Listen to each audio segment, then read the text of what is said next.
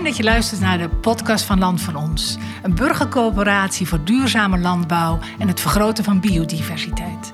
Ik zit hier aan tafel met Jan Wittenberg en Berend Steenbergen. Jan Wittenberg is perceelcoördinator van ONRS, waar het vandaag over gaat. En Berend Steenberg is een biologisch dynamische boer die pachter wordt van een deel van het land van ons, of misschien al pachter is. Ik ben Marja van Werkel van Kennisdelen binnen Land van Ons. Wij maken één keer in de drie maanden ongeveer een podcast over een perceel van Land van Ons. We hebben er één gehad over Zwagermiede Triemen en één over Oud-Aarde. En onze derde gaat dus over Onner S. In het Hoge Noorden, in de buurt van Groningen, in Onne.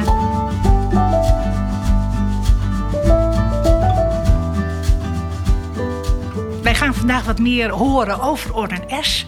Ehm, en ik begin bij Jan. Jan, kan je iets vertellen over het perceel? Ja, natuurlijk. Want we zitten hier op een fantastisch uh, gebied uh, op de flank van de Honsrug. En de Honsrug is een, oud uh, ijstijden landschap. En het fantastische hier is dat je aan de oostkant heb je het dal van de Hunze. Aan de westkant het dal van de Drentse A. En daartussenin ligt een grote kom. En dat is het land van ons geworden. Daar in die kom heeft, uh, nou, hebben de boeren duizenden jaren geboerd. En uh, dat is dus de onder S. Die uh, nou ja, heel open is. Althans voor het gebied Honsrug. Maar ehm, eigenlijk onaangetast is. Dus je vindt daar die fantastische doorzichten. Je vindt daar die geweldige hoogteverschillen. Een uitgangspunt wat voor eh, de doelstellingen van Land van Ons ideaal is.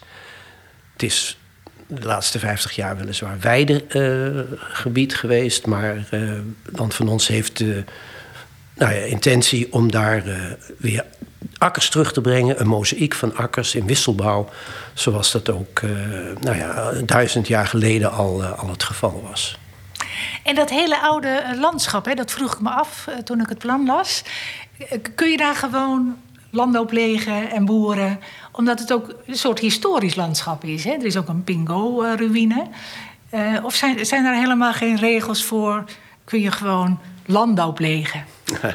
nou, de regels of de, de richting waar je uh, in wilt slaan... de richting die je in wilt slaan... Is, wordt natuurlijk bepaald door de ondergrond. De bodemgesteldheid, de, die is leidend. Die is leidend. En uh, we sluiten aan bij de kenmerken van het landschap. Zullen een aantal landschapselementen gaan versterken. Maar de bodem, uh, daar moet het op gebeuren. En dat is wat Berend nou ook, nou ja, als het ware, in zich in thuis moet, moet zien te vinden. Hij moet de bodem leren kennen. En daar kunnen we gelukkig samen een heel eind in komen. Omdat we een heel ploegje mensen hebben die met bodem boringen vaststellen welke bodems zonder meer geschikt zijn voor akkerbouw, welke misschien uh, problematischer zijn, omdat er in het verleden nogal wat gebeurd is op die onderes. De helft van die S is ooit afgegraven voor een spoorwegamplacement hier dichtbij. Maar goed, dat is een zoektocht, dat is een, een avontuur. Uh, waar we samen uh, aan begonnen zijn. En het geeft eigenlijk alleen maar ja, plezier en moed ja. om, om daarmee door te gaan. Ja, en, en is er dan al bekend wat het meest geschikte uh, stuk voor, uh, voor uh, Berend is om te boeren? Of zeg je nee, daar zijn we nog mee bezig om dat uit te laten kristalliseren? Nou, we zijn begonnen hè, met een flink ja. stuk waar boekwijd wordt verbouwd. En komend voorjaar gaan we stapje voor stapje verder. Maar goed, Berend, ja, jij hebt daar de eerste akker ingezaaid. Wat waren jouw ervaringen daarmee? Nou ja, uh, het hele blok is gewoon oude grasland. Zoals, zoals je dat in boerentermen noemt. Uh, en een deel gaan we omzetten naar bouwland. Uh, ja, dat vergt ook enige, enige tijd. Je kunt niet in één keer het hele blok omzetten. Er speelt ook nog eh, een beetje een technisch verhaal in mee. Dat, ehm, ja, wij hebben een biologisch bedrijf en die grond gaat eerst zo gezegd in omschakeling, omdat het van een gangbare boer is. Ja, de eerste twee jaar heb ik een beperkte mogelijkheid met de producten die ik, uh, waar ik, ja, de producten die van de grond komen, waar ik daarmee kan. Als het straks allemaal uh, gecertificeerd biologisch is, dan uh, is de, ja, zijn de mogelijkheden gewoon beter en groter. En ja, heb je er gewoon meer kansen in om, om er iets van te maken als wanneer het in omschakeling is. Dan is er gewoon twee jaar even afzien. Want die grond die gaat wennen aan, aan een heel ander regime. Ja. En ja, dus dat is nog wel een beetje een zoektocht. Maar de eerste ervaringen van die grond, ja, het gedeelte waar we voorzien als bouwland, dat is wel goede grond.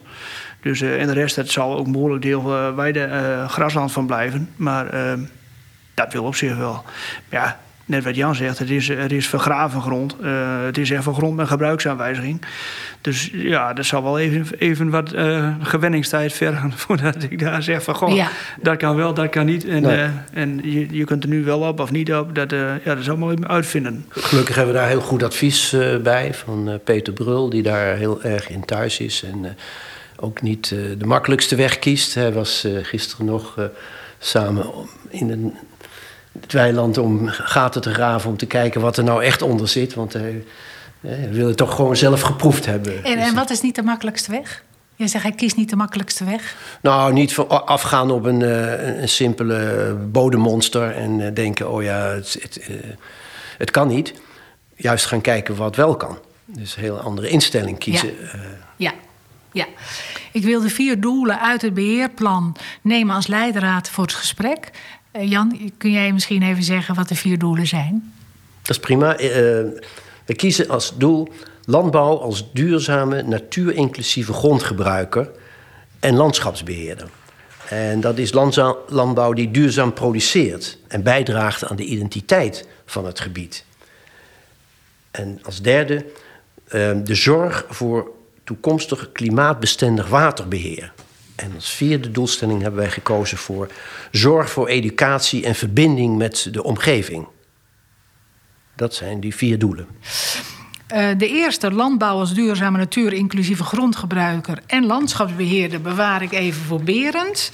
En Jan, bij jou begin ik met een andere, de tweede. Landbouw die duurzaam produceert en bijdraagt aan de identiteit van het gebied. Wat verstaan we daaronder? Ja, nou ja, duurzaamheid, dat is het verhaal van Berend. En eh, eh, daar gaan we zo nog wel wat meer over zeggen. Maar die Ja. identiteit van het gebied, dat is eh, die S die op die hondsrug ligt met die flanken van de Wijde Beekdalen. Dat gebied hier is ook een nationaal park. het Nationaal Park Drentse A. En wij sluiten met onze aanpak aan bij de, de filosofie van eh, het Nationaal Park. En dat is eigenlijk het, wat men noemt de verbrede doelstelling. Dus we hebben hier te maken met landbouw, met natuur, met wonen, recreatie, waterwinning. En al die functies die grijpen in elkaar. En die versterken elkaar als je dat op de goede manier hè, eh, aanpakt. En dat is wat ik bedoel met... eh, het moet bijdragen aan de identiteit. Een veelzijdig gebied... eh, waar ook heel veel mensen eh, wonen en werken en eh, recreëren. En daar past natuurlijk de, de landbouw zoals wij die voorstaan heel goed in. En dat sluit ook aan bij de natuurgebieden die we hier rondom, ons, rondom de S al hebben. Kortom, dat is wat wij de identiteit noemen en waar Land van ons één op één bij gaat aansluiten. En met wie heb je dan te maken? Zijn daar ook dan, zit daar, ja, staat Bosbeheer misschien niet de juiste, maar natuurmonumenten? Zijn er meer die, die partijen hier, eh, dat soort partijen vooral, eh, waar je mee te maken hebt? Nou, op het deel van Land van ons zijn we zelf de baas. dat begrijp ik. Maar wie zijn maar- de buren? maar we gaan natuurlijk wel in gesprek. eerst in deze fase om de kennis op te bouwen. Dus we zijn in gesprek met de, de- Theo Spek, hè, eh, landschapshistoricus, maar ook met de gemeente. Van eh, hoe kunnen die hier aan bijdragen? We zijn ook in gesprek straks eh, met. Eh, of, eh, we zijn nu al in gesprek met eh, Landschapsbeheer Groningen, die een bijdrage willen gaan leveren aan de landschapselementen. En ongetwijfeld komen we binnenkort ook wel met het waterschap en met het wa- waterbedrijf on- aan tafel. en dan natuurlijk het gesprek met onze buurman die het dichtst bij zit, is Staatsbosbeheer. Maar ook particuliere, Ja. kleinere initiatieven hebben we in, ingesloten in de aanpak. Eh, het landgoed de Leemgaard, een kleiner stukje privé natuurontwikkeling aan de onder S-weg. dus ja, dat zijn zo de, de partners waar we de komende jaren mee, mee Dat is best veel, hè? Ja. ja, er zijn best veel partijen. Zeker, ja. ja. Jij noemt al iets over dat waterbeheer. Want het derde punt is, het derde doel is... Uh, zorg voor toekomstig klimaatbestendig waterbeheer. Ja, heel belangrijk omdat uh, uh, de hondsrug verdroogt. Zoals heel veel gebieden in Nederland verdrogen. En de oude aanpak was gewoon zo snel mogelijk dat water uh, zien kwijt te raken. En wij zeggen nee, je moet juist in dat gebied van de onder S, waar in het midden een kom is ontstaan met een oude pingo. Uh, daar moet je het water uh, vasthouden. En dat geeft ook weer veel meer uh, biodiversiteit. Natte delen, droge delen, hoge delen, lage delen, beschutte delen en, en, en, meer open delen. Kortom, een heel grote diversiteit. En dat waterbeheer is daar heel erg belangrijk in. Nou, zal dat ook moeten aansluiten bij andere beleidsdoelstellingen zoals het tegengaan van de verdroging. En daar kunnen wij op bescheiden schaal aan bijdragen. En wat denk je dat, dat daar nou voor nodig is, praktisch? Hè? Gewoon voor mij. Moeten er dan meer slootjes gegraven worden? Of, nou, tegendeel. Ja. We gaan, we slootjes gaan, moeten weg. Oh, oh. Nee, zullen ze, zullen ze ook niet, niet ver, verwijderen. Want ook het graven van die sloten is een stukje van de geschiedenis. Dus zelfs als ze minder snel het water afvoeren, zullen ze toch wel in het landschap zichtbaar blijven. Maar in het uh, uitgangspunt zal straks zijn om te proberen het water uh, zo lang mogelijk vast te houden. Voor zover dat dan de, de landbouwkundige toepassingen niet in de weg staat. En de buren en het, het, het waterschapsbeheer. Heb je daar dan allemaal mee te maken? Of ben je daar vrij in? Zeker, om dat nee, soort nee, dingen nee, nee, We hebben heel, te verzinnen. er wonen allemaal mensen om ons gebied heen. En die zullen allemaal daarin betrokken moeten worden. Je kunt bepaalde gebieden kan je natuurlijk de waterstand niet uh, op, uh, verhogen. Maar in, een, uh, in het centrale deel kan dat weer wel. maar inderdaad, dat moet goed worden afgesproken met waterschap en met de buren. Dus daar zit ook, daar zit ook nogal wat tijd in, hè? Al die, oh, maar we hebben alle tijd. Er wordt hier oh, al 5000 jaar geboerd. Dus om, we, hebben, we zien het wel in perspectief. Uh, we hebben hier nog jarenlang uh, een zoektocht naar het meest optimale hè, beheer. Uh, waarbij niet alleen de landbouw denk maar natuurlijk ook aan al, die andere doelstellingen, het verhogen van de biodiversiteit. Maar het moet, het moet wel rendabel kunnen zijn, want uh, we zijn niet van plan daar geld bij te leggen. Dus het moet ook uh, voorberend uh, een aanpak zijn waar hij producten van het land kan halen die goed te vermarkten zijn. Maar ook daar denkt land van ons wel, wel mee aan, hè, aan die afnamekant. Ja. Het leuke van die sloot is ook nog dat ehm, daar kun je wat extra doen, wat je op je grasland dan eventueel weer uh, wat minder hoeft te doen. Uh, Zo'n slootkant heeft altijd, de, als die een beetje verschraalt en, en een beetje op goede manier onderhoudt, op de juiste tijd de juiste dingen doet. Uh, dan kun je daar best een heel stuk biodiversiteit en een heel stuk plantengroei ontwikkelen ja, dat kan in een paar jaar tijd uh, kan dat een hele kleurrijke oase worden. Dus uh, die, ja, een sloot biedt ook een kans. En uh, ja, dan heb je het voordeel van de sloot, ja, als het echt nat is, ben je een sloot ook gewoon nodig. Anders staat het hele spul onder water. Dus, ja. ja. en je noemt ook verschraald. Wat versta je daaronder? Als je het verschraalt? Nou, dat, dat je gewoon met je bemesting gewoon niet, niet tot op de rand van de sloot, of tot in de sloot, maar dat je er een paar meter af blijft. En de effect ervan gaat best snel. Dat hebben we hier bij huis ook wel gezien op mijn huiskavel. We zijn nu tien jaar bio biologisch. Uh, uh, ja, die verschraling doen we al wat langer. Maar je ziet gewoon dat die, uh, die ja, de randen van de percelen en bij de sloot, dat is gewoon een hele leuke plek. Wordt daar heel kleurrijk en ja, er zit van alles. En dat is wat gewoon. Ja, ja, en dan gaat eigenlijk vanzelf. Dat, ja, hoef je alleen maar iets voor te laten. Je hoeft er ook niks voor te doen. Dus ja, dat, dat, dat, gaat, uh, dat gaat fantastisch. Dat is mooi. En mooi is dat een resultaat ziet. Zo'n mooi resultaat. Ja, ja, maar er is ook geen jaar gelijk. Want uh, als, je, als je een koud voorjaar hebt of een warm voorjaar... er zit een heel verschil tussen welke planten zich dan uh, als eerste manifesteren. En, en als een koud voorjaar is, dan zie je bijvoorbeeld veel minder paardenbloem. ook in het weiland, maar ook in die slootkanten. En ja, daar zit gewoon heel veel verschil in. Dat is gewoon hartstikke leuk om te zien. Dus... Ja. Dat gebied wordt ingedeeld in zo'n zo'n zes, zeven akkers. En die krijgen allemaal akkerranden die uh, ingezaaid worden met inheemse mengsels. En die wel één keer per jaar gemaaid worden. Maar dus de, de, diversiteit van, van planten moet je dan vooral straks zien in die randen en in de sloten.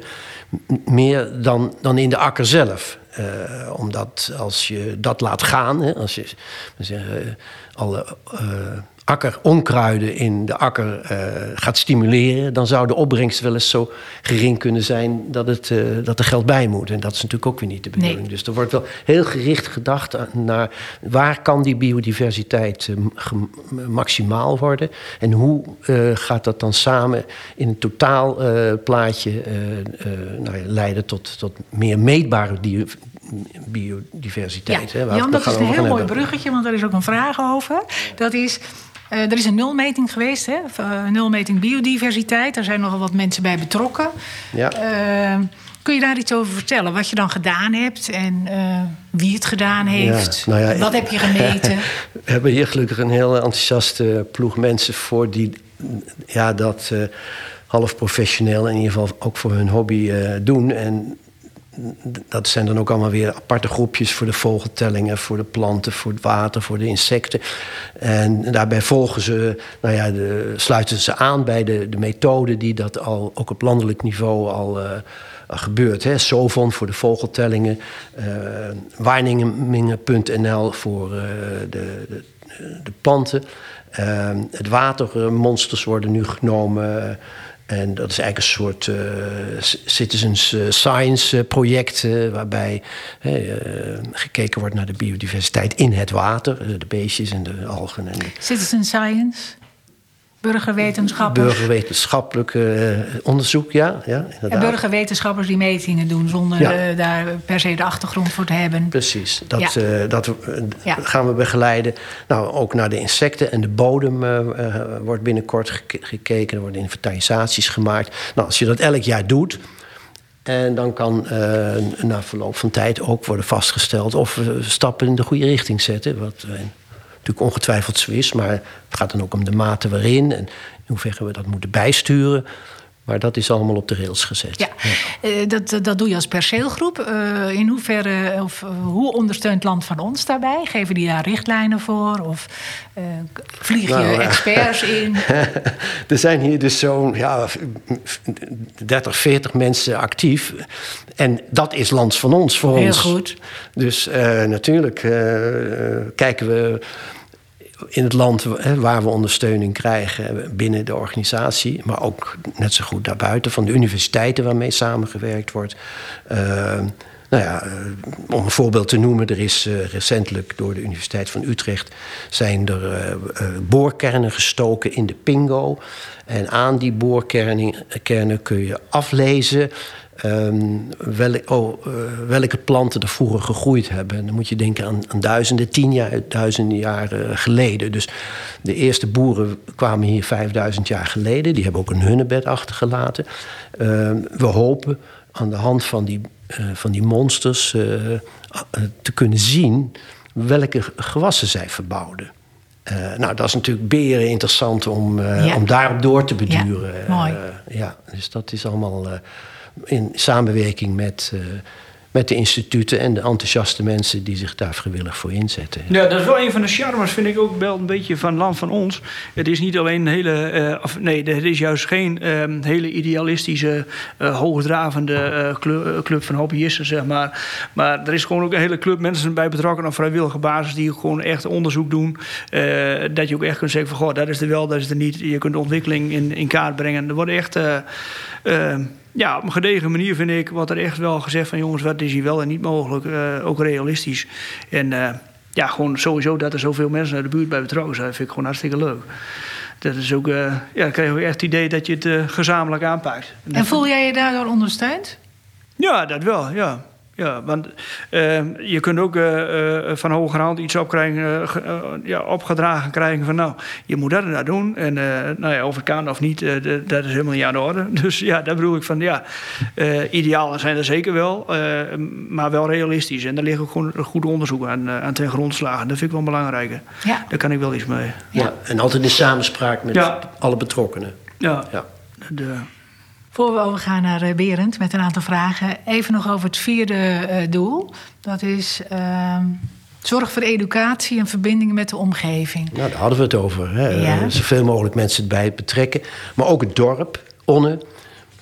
Dat zijn ja, toch heel veel wandelaars vanuit het dorp. maar ja, ook mensen die staan te kijken van wat gebeurt hier. dus dat verhaal moet verteld worden. Er moet wel duidelijk een ja, communicatie uh, idee aan de grondslag liggen. Het is niet zo dat het vanzelf landt en dat het idee van land van ons zichzelf uh, voldoende waarmaakt. Nee, er moet echt over nagedacht worden hoe je die boodschap uh, doorgeeft in een vrij nou ja, conservatieve gemeenschap. Uh, dat mag ik wel zeggen, Berend? Of, Ja, ik wel hoor. ik ga niet. Ja, het wordt wel opgenomen, hè Jan? dat je ja, dat wel weet. Ik, ik, woon hier pas 20 jaar en ben dus nog steeds een buitenlander. Maar Berend is hier geboren en getogen, dus die kan... Je kan ja. wel iets nou, meer je, je, merkt in het dorp toch wel, uh, en dat is overal zo, verandering, dat geeft, dat geeft onzekerheid. Dat is altijd zo. En dat zie je hier ook gewoon. de dient zich in één keer in de club aan, die koopt hier een beste hoek grond. die hebben allerlei ideeën. ja, uh, er is een verandering. Het was altijd zo mooi. Waar gaat het straks worden? Ja, dan, dan heb, je toch, uh, heb je toch onrust in de omgeving. Hoe je het ook ja. of keert. En dat is, dat is op zich ook niet helemaal verkeerd. Sommige mensen die trekken dat wel in het negatieve. Ja, nou ja, goed. En onze de, de, de opdracht om te laten zien dat, het, dat we de goede broer ja. ermee hebben, denk ik. Mooi dat, uitgangspunt. Ja, ja zeker. Um, wij van uh, Kennisdelen zijn ook bezig met educatie. Wat is er al bekend over duurzame landbouw, biodiversiteit? Hoe is dat in het onderwijs? Uh, dus, dus zit ook een, ja, mijn vraag is ook: goh, wat doe je met zo'n basisschool? Hè? Ik kom zelf uit de randstad. Daarvan denk ik, daar weten kinderen nog ineens meer hoe het allemaal werkt op zo'n. Uh, waar het eten vandaan komt. Um... Nou, schiet maar in, Beren. Voor jou. nou, dat is wel leuk om te vertellen. Wij doen als bedrijf, ja, doe eigenlijk, mijn vrouw Wilma doet dat. Uh, we zijn aangesloten bij Stichting De Boeren Noord. Dat is een stichting hier in, de, in Noord-Nederland die uh, uh, boerenbedrijven helpt om een boerderijeducatie te doen. Daar is een, een programma voor opgezet met een soort van certificering, dat je ook mate van professionaliteit hebt. wij ontvangen op ons bedrijf regelmatig basisschoolleerlingen en uh, ja, daar wordt door uh, die stichting wordt dat ondersteund. En uh, op die manier doen we dat. En we hebben zelf een beetje de vrijheid in, in samenspraak met de school... welk onderdeel, onderdeel je precies op richt. Of dat op weidevogelbeheer is of op zuivelproductie of noem maar op. Dus op die manier kun je dat invullen. En ehm, ja, wellicht dat wij de, ook de deel van land van ons gewoon mee kunnen nemen. Ik bedoel, ja, dat, dat hoort er straks gewoon bij. Dus... Ja, het hele, hele, idee van verbrede landbouw, ja. wat wij hier dus gaan uitvoeren, ja. dat is natuurlijk ook uh, een prachtig onderwerp hè, in, in zo'n uh, educatief programma. Ja. En, en zijn dat dan basisscholen uit de buurt? Of komt er ook nog eens een bus met uh, kinderen uit de Randstad of iets? Uit een nee, grote stad? Nee, nee, Randstad, nee. Dat is te ver weg misschien? Nee, Randstad niet. Maar Groningen? Groningen wel, Haren wel, Gieten ook wel, Winschoten, Veendam. Ja. Een beetje die... die die, die buren een beetje, zeg maar... Dat zijn ontzettende mooie ontwikkelingen, zijn dat zeg. Ja, ja. ja. Nou, je merkt dat ja, de laatste tijd heeft de laatste jaren ligt een beetje op zijn rug met de hele coronatoestanden van zomer. Liep het gelukkig in Poosje wel weer uh, heel goed ja, je merkt nu dat het weer rustiger is. Scholen zijn toch weer voorzichtiger. Dus, ja. uh, maar het is wel een hele leuke manier om, uh, om er wat aan te doen. Want je kunt, uh, ik hoor ook vaak wel collega's zeggen van... oh, die consument weet niks en, en het is allemaal zo slecht. Ja, dan denk ik van nou, als ze, niet weet, als ze iets niet weten, vertellen ze dan.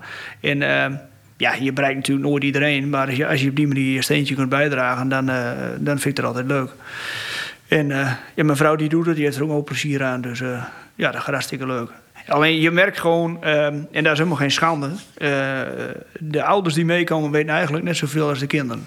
Ze weten allebei gewoon niks. En dat, is, dat vind ik helemaal niet erg. Uh, als ze hier met een goede insteek komen, kunnen ze hier een hele hoop leren. Ja. Dus, ja. Uh, en, en ja, het zou mij waarschijnlijk net zo gaan als ik in, in, in, in een, een dorpskern of in de, in de stad opgegroeid was. Je hebt geen familie meer die nog boer is. Ja, hoe kom je aan je kennis?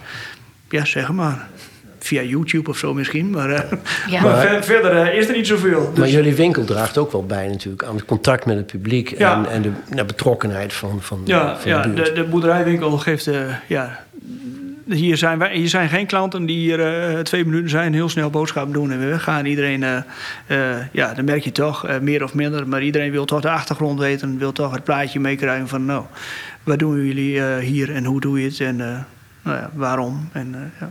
Goeie, nou, ja, nee, daar leer je van, hè, zeggen we dan. Hè? Dan hebben we het over educatie. En dan hopen we natuurlijk straks ook de boekwijd en de andere producten van het land uh, hier uh, in de winkel te zien. Steeds en misschien ook in, het, in, in, de, in de winkels hier in de, in de buurt. Ook dat is een manier natuurlijk om naar het publiek toe uh, duidelijk te maken dat, dat het andere verhaal met te vertellen. Ja. Precies, dat het met de landbouw de andere kant op moet. Volgens mij hadden we niet gezegd dat we hier te gast waren op de boerderij van Berend. Maar inmiddels uit het verhaal is dat wel duidelijk geworden. Berend, uh, eigenlijk weten we nog niet zo heel veel van je. Uh, kun je iets vertellen over je bedrijf en uh, hoe je tot boeren gekomen bent? Ja, natuurlijk. dat wil ik graag doen. Maar misschien is het ook handig en leuk als we dan als een, een, rondje lopen. Dan kunnen we het ook direct zien. Goed plan. ja, het, is, het is niet heel warm. Ja, ja, je, ruikt, ja je ruikt het vee, hè? Die eerste ja. feesttijd weer binnen. Dus, uh, ja. Nou, ik ben hier uh, met het bedrijf begonnen uh, samen met mijn pa in 1990 ongeveer, 91. Dat kwam een beetje abrupt, want mijn vader kon fysiek het werk niet aan. Hij had altijd last van zijn rug. nou, zo ben ik een beetje abrupt erbij gekomen. Aanvankelijk, uh, omdat het bedrijf heel klein was en hier gewoon in uh, best wel intensief gebied lag van ouds, uh, heb ik er een baan bij gehad om wel voldoende inkomen te krijgen. dat heeft een aantal jaren geduurd, maar zo hebben we samen hebben het, het, bedrijf verder ontwikkeld. Maar van, van oorsprong was het gewoon een klein bedrijf met heel weinig grond bij huis, heel veel grond op andere plekken. Uh, ik kan me nog herinneren in het eerste gesprek dat, we met de bank hadden, dat die bankman zei van nou uh, ik zou wat anders bedenken. Ga, ga iets doen waar je echt geld mee verdient. Want uh, die bedrijf is zo klein, uh, dat ga je nooit zo groot krijgen dat het ook echt rendeert. Tot op heden heeft de man nog geen gelijk gekregen. Maar, ouds is dit best wel, en dat zou je nu niet meer zeggen, maar het is best wel een intensief gebied. Uh, in de jaren 80 is hij begonnen met een herinrichtingsplan. Uh, dat is een soort opvolger van de ruilverkaveling. Herinrichting is niet zo uh, dat er in het veld allerlei veranderingen aangebracht werden, maar dat het wel beter ingericht werd voor de boeren. Dat je grond meer bij elkaar had liggen en dat het allemaal wat logischer lag.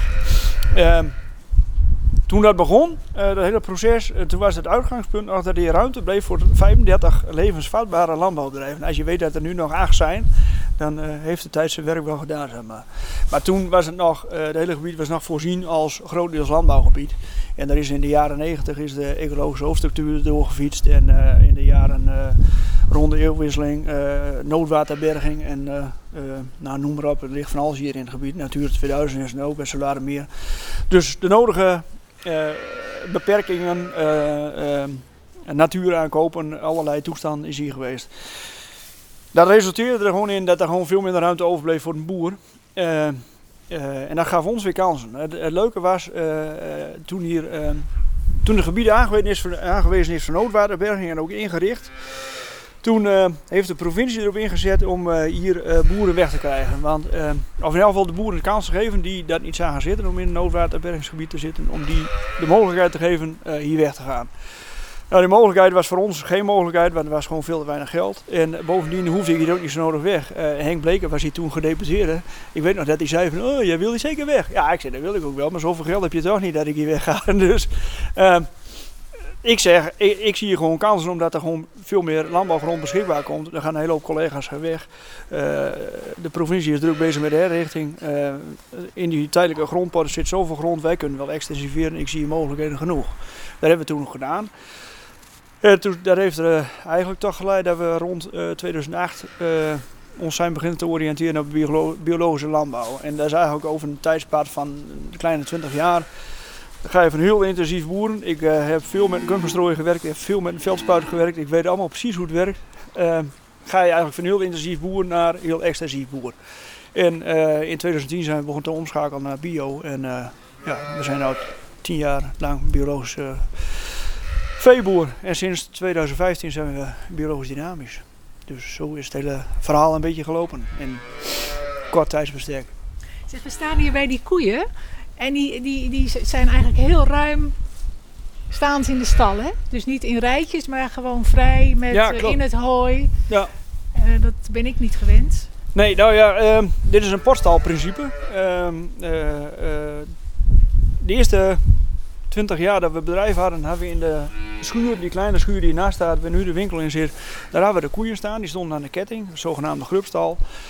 En deze stal heb ik er in 2006 bij gebouwd, eh, omdat we gewoon veel te weinig ruimte hadden. Ehm, nou, dit is gewoon een low budget uh, kaapschuur. En uh, om het simpel te houden en, en niet te duur, hebben we gewoon gedacht van nou, we bouwen gewoon een potstal. Heeft me altijd al aangesproken.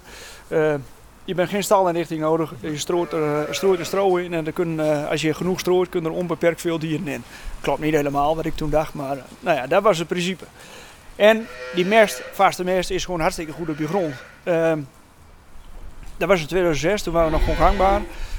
De stal waar we straks komen, de koeienstal, is net zo, net zo ingericht. En dat is nou gewoon onderdeel van het bedrijfssysteem.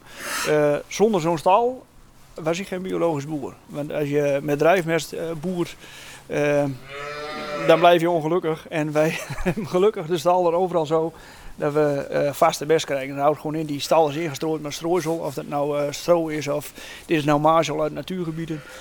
Uh, dat wordt gewoon vermengd met de mest van de dieren en dat strooi je in het voorjaar over het land. Dat wordt uh, uh, gefermenteerd en ja, dat, dat strooi je op de grond, dat is de bemesting. En, ja. En voor de luisteraars lopen hier dus gewoon rond. Ze staan ja. dus niet in rijen, dat is dus nee, vind ik heel bijzonder. Het is gewoon een vierkant hak. Flinke ruimte. Ja. En hoeveel, hoeveel koeien heb je? ik heb ongeveer een 140 dieren, ongeveer 80 melkkoeien. Uh, jongvee, vrouwelijk jongvee, maar we houden de laatste jaren ook wel stierkalveren aan. Uh, dat is eigenlijk een beetje idealistisch ingestoken. Uh, ook vanuit bio melkveebedrijven. ja, iedere koe kalft zo'n beetje ieder jaar. Dus wij hebben ieder jaar ongeveer 80 kalven. de helft van een stierkalf, ja, daar kun je niet zoveel mee, want er komt geen melk uit. die gaan ook van biologische bedrijven gaan die de kalfmesterijen in. ja, dat is gewoon weer het economische plaatje. Dan brengen ze nog geld op. Anders zijn er niet zo gek veel wegen. Er is volgens mij over heel Nederland één of twee biologische kalvermesters zijn. Maar die willen niet een soort vee hebben wat ik heb. Dus daar kan ik de kalver niet aan kwijt. Ja, dan gaan ze gewoon gangbare mesterijcircuit in. Ik wil hier niks zeggen over hoe die mesters omgaan met hun dieren. dat is ook gewoon een landbouwsysteem hier in Nederland wat mag. Maar ik heb mijn kalver er liever niet. Want uh, ja, zoals die dieren gehouden worden is niet zoals ik het voor me zie als ideaal. Dus vandaar dat we de laatste jaren zijn begonnen om een deel van de stierkalven aan te houden. Dan maak je daar een os van. Dat, betekent dat je ze castreert. de, de, de dierenarts doet dat. En nou, die houden we dan 2, 2,5 jaar aan totdat ze echt slagrijp zijn. En dan probeer het weer vlees in de winkel te verkopen. Dus op die manier ja, en je stierkalven een, uh, voor een deel een beter leven te geven. En op die manier ook nog een klein stukje extra inkomen te halen. Dus dat is een beetje de gedachte achter Heel mooi. Je noemt de winkel. Zullen we daar even heen lopen? Ja, kunnen we wel Ja? Dat is ongevaarlijk. Nou. Ziet er mooi uit. Dit is de winkel, ja.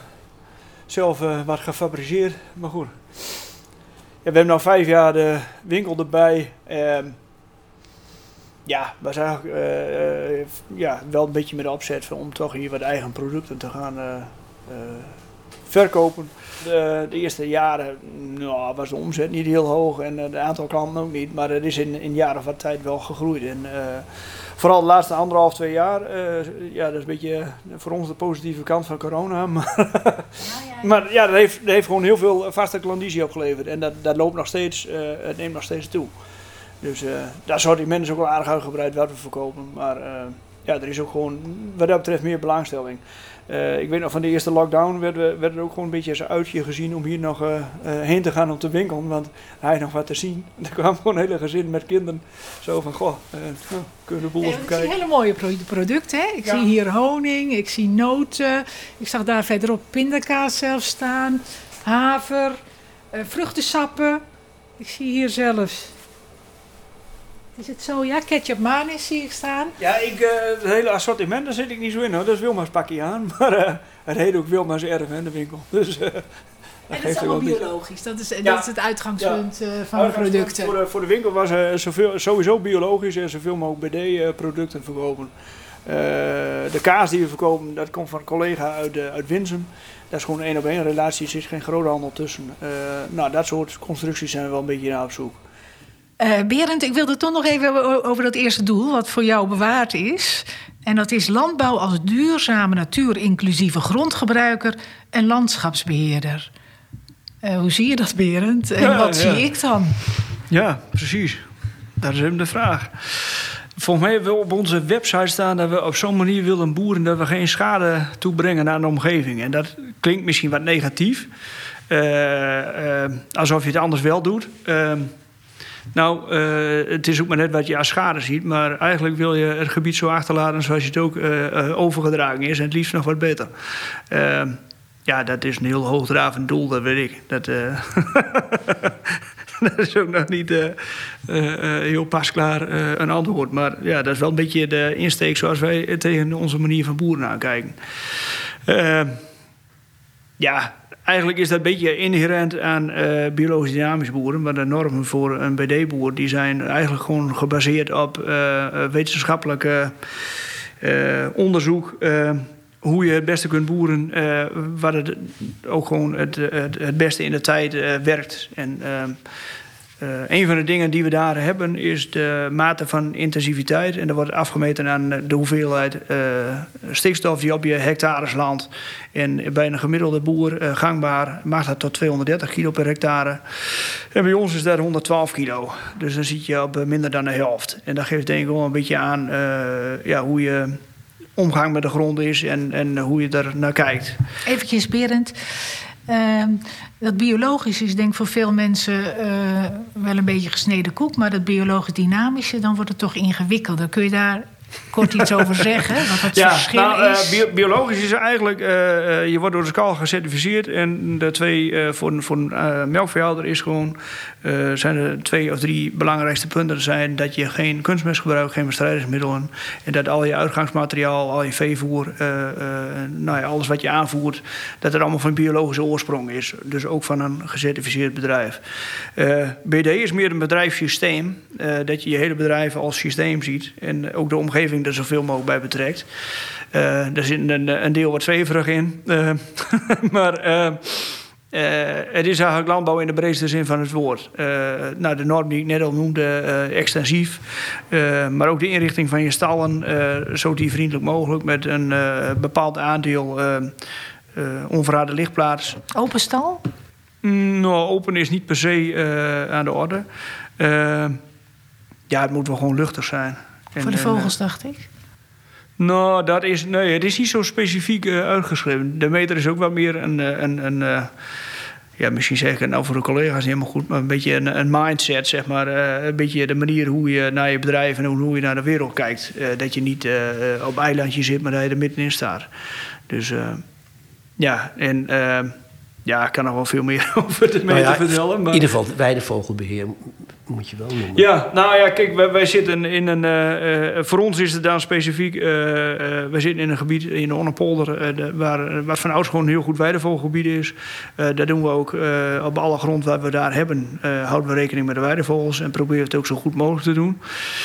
Dat is wel leuk om te vertellen. Een deel van de grond heb ik daar ook in eenzelfde soort- constructie als wat ik nou straks met het land van ons ook ga doen. Alleen dat is dan van een fonds van de vogelbescherming. Even in, over, even in, in ja, in nauw contact met de vogelbescherming hebben we die 20 hectare aan kunnen kopen. En eh, dat is overgenomen door het fonds eh, van de vogelbescherming. En daar hebben we gewoon een samenwerking mee dat we daar aan, aan weidevogelbeheer doen. En ja, dat is dus het deel in Onnepolder waar je dus ja, je gewoon richt op je omgeving. Ja, van oud zitten hier heel veel overwinterende ganzen. Het gebied is hier ook aangewezen als ganzengedooggebied.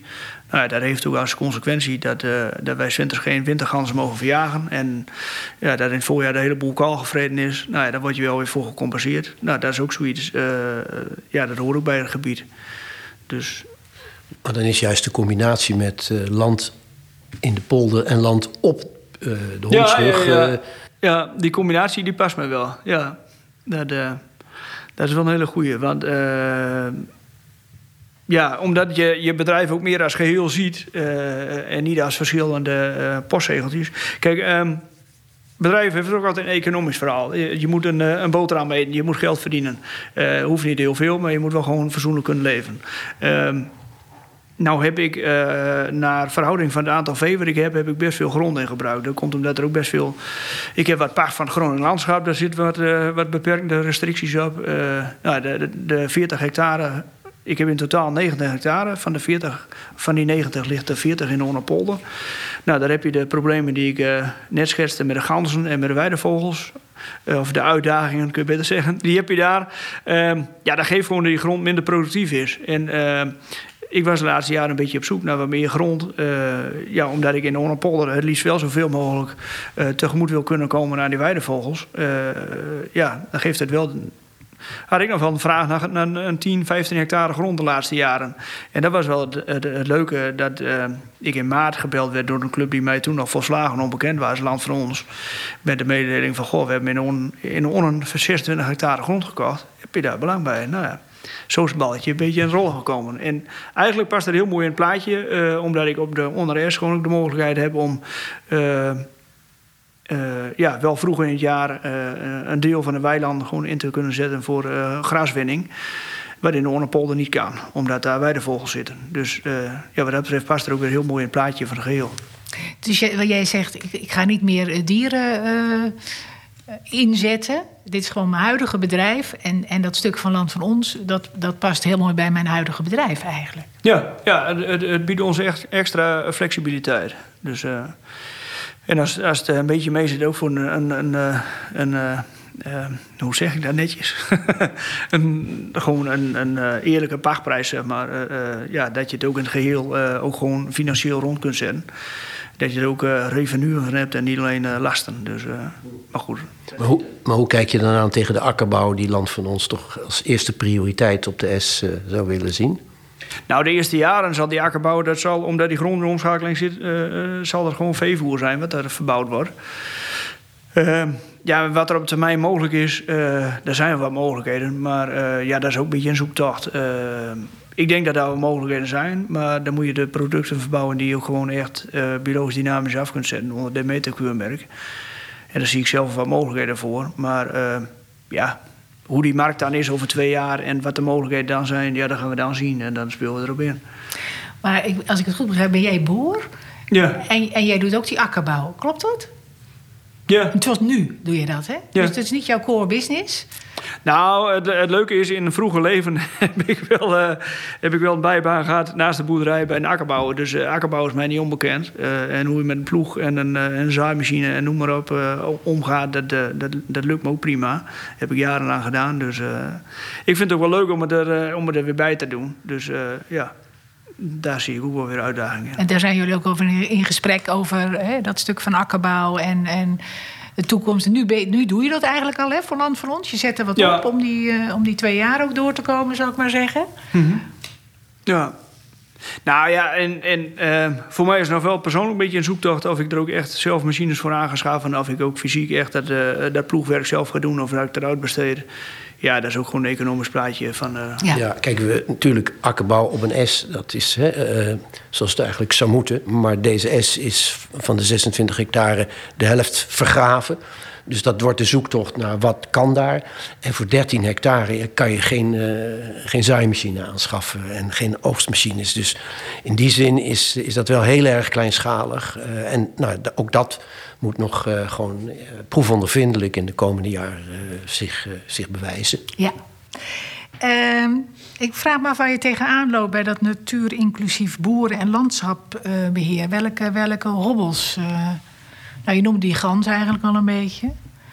Uh, ja, maar voor de rest... Uh, ja, ik zie niet zo gauw hobbels. Dus, uh, zijn, En je doet het al een tijdje. Ik denk dat dat natuurlijk ook ja, scheelt. Dat klopt. Ja, ja, ja. ja, we hebben hier al een jaar van het bedrijf. Dus ja, nee, en, en ik, ik zie vaker uitdagingen als, uh, als, als grote problemen. En die zijn er voor mij zit er ook niet echt aan te komen. Zie ik nog niet tenminste.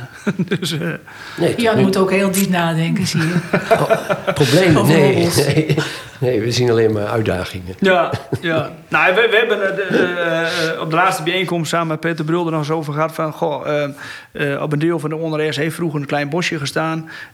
nou, misschien is het wel wenselijk om daar weer iets te doen. Omdat die ondergrond ook niet super is. Om daar iets te doen met bos. Nou, het was ons idee, daar loopt onze zoon ook al een poosje mee rond van... Goh, niet met een voedselbos, maar een beetje een mengeling tussen wat, ja, eventueel wat fruitbomen, wat andere bomen. waar je weer een combinatie maakt met kippen of eventueel met scharrelvarkens of met, ja, noem maar op.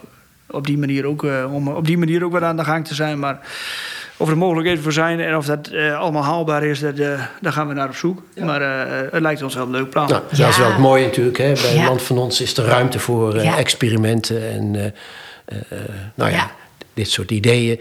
Daar zullen dan ook een heleboel deelnemers aan land van ons graag hun steentje aan bijdragen. En, en dan moeten we straks ook natuurlijk wel zien dat er ook producten ja, afkomen. Ja, blijf dat vooral zeggen, die Jan, vermarkt kunnen is, worden. Uh, ja, dat is absoluut de bedoeling. Ja. We gaan een beetje naar het einde van de podcast toe. Mm -hmm. En uh, binnen wil ik jou eigenlijk meer een uh, algemene vraag voorleggen. dat natuur inclusief boeren, dat, dat, hoor je tegenwoordig vrij veel. Dat is een beetje een modewoord aan het worden. Ja. Maar als dat nou groter wordt, als dat nou veel meer gaat gebeuren in Nederland... is het toch een soort droom. Maar wat betekent dat nou voor ons als burgers en als consumenten? Als dat groter wordt. ja, dat is een goeie. Dat is een goeie. Daar kan ik je zo 1, 2, 3 geen antwoord op geven. Daar ben ik bang voor. Want uh, je merkt dat natuur inclusief, dat is een hele leuke modeterm. Alleen om dat echt eens uh, concreet uh, vorm te geven en zeggen: goh, die, een boer die natuur inclusief is, die doet dit, die doet dat en doet zus en doet zo. Ja, daar zijn een hoop boeren naar op zoek. Uh, daar hoor ik geen uh, kant-en-klare antwoorden op. Uh, voor mij is het gewoon samenwerken met de natuur. En een hoop boeren doen dat. een hele hoop boeren zijn ook wat dat betreft, zie je wel veranderen ten opzichte van 10, 15 jaar geleden hoezenboeren. Maar het is ook niet iets, als je het over heel Nederland ziet, waar over 3, 4, 5 jaar klaar is. Dat, dat vergt, nou een generatie is misschien wel lang, maar vergt wel meerdere jaren. Ja. En als één ding duidelijk is, dan is dat er zijn geen pasklare oplossingen. Het is overal anders. Elke situatie vraagt, voor, uh, vraagt om een, een oplossing die daar specifiek voor uh, wordt ontwikkeld. Op basis van de bodem, op basis van de diversiteit in het landschap in de, ja. uh, die er al is. En, en, en, daar sluit je op aan, daar bouw je op door. Dus, ja. En een van de grootste problemen in Nederland is: Nederland is een Nederlanders is een volk, uh, een handelsvolk, uh, die eigenlijk te beroerd zijn om een fatsoenlijk bedrag uit te geven voor hun eigen voedsel. En uh, dat wil ik hier toch wel eens een keer gezegd hebben. Dat klinkt misschien heel negatief, maar in Nederland worden we overspoeld door supermarkten die allemaal de goedkoopste willen zijn. Die allemaal te beroerd zijn om een fatsoenlijke uitgave te doen aan, aan een producent. Het moet allemaal tegen bodemprijzen, het moet allemaal uitgeknepen. En oh wee, als de producent een cent verdient, dan moet een cent af ja, zolang we in die modus zitten, dan uh, heb ik nog niet direct hele hoogdravende verwachtingen van natuur inclusieve landbouw. Want hoe het ook bent of keert, ik heb collega's zat die het wel willen. Alleen als het niet, als het niet betaald wordt ja, en je moet extensiever, ja, eh, wie betaalt de bank dan? Ja. Ik bedoel, ja. dat, dat, is gewoon de, de, grote vraag waar je tegen aanloopt. En uh, daarom zei ik net ook, van, er is niet iets waarin in vijf jaar rond is. Er gaat wellicht een generatie overheen. Maar ja, er zit gewoon een hele mentaliteitsverandering achter. Een hele verandering van, van landbouwsystemen achter. Ja, en dat, dat heb je niet in een paar En van verdienmodel. Ik denk dat dat ook een belangrijk is. Hè? Van, ja. uh... Dus de kern, dat is de kern van het probleem. Dat kan niet de boer oplossen. Dat moet uh, de, de samenleving als geheel oplossen. En dat zit voor een belangrijk deel in die, in die prijssetting. Uh, waar natuurlijk de afnemers, de supermarkten, een belangrijke rol in spelen. En daar zien we nog niet de omslag. Ook een onderdeel van zijn. Zeker. Dat is eigenlijk uit het verhaal van Berend komt dat ook naar voren. Ik denk dat dit een mooi uh, slot is van de podcast over de ONRS. Hartelijk dank Jan, hartelijk dank Berend. Jij ook bedankt voor het luisteren, luisteraar. Uh, vergeet je niet te abonneren in je favoriete podcast-app. En graag tot een volgende keer.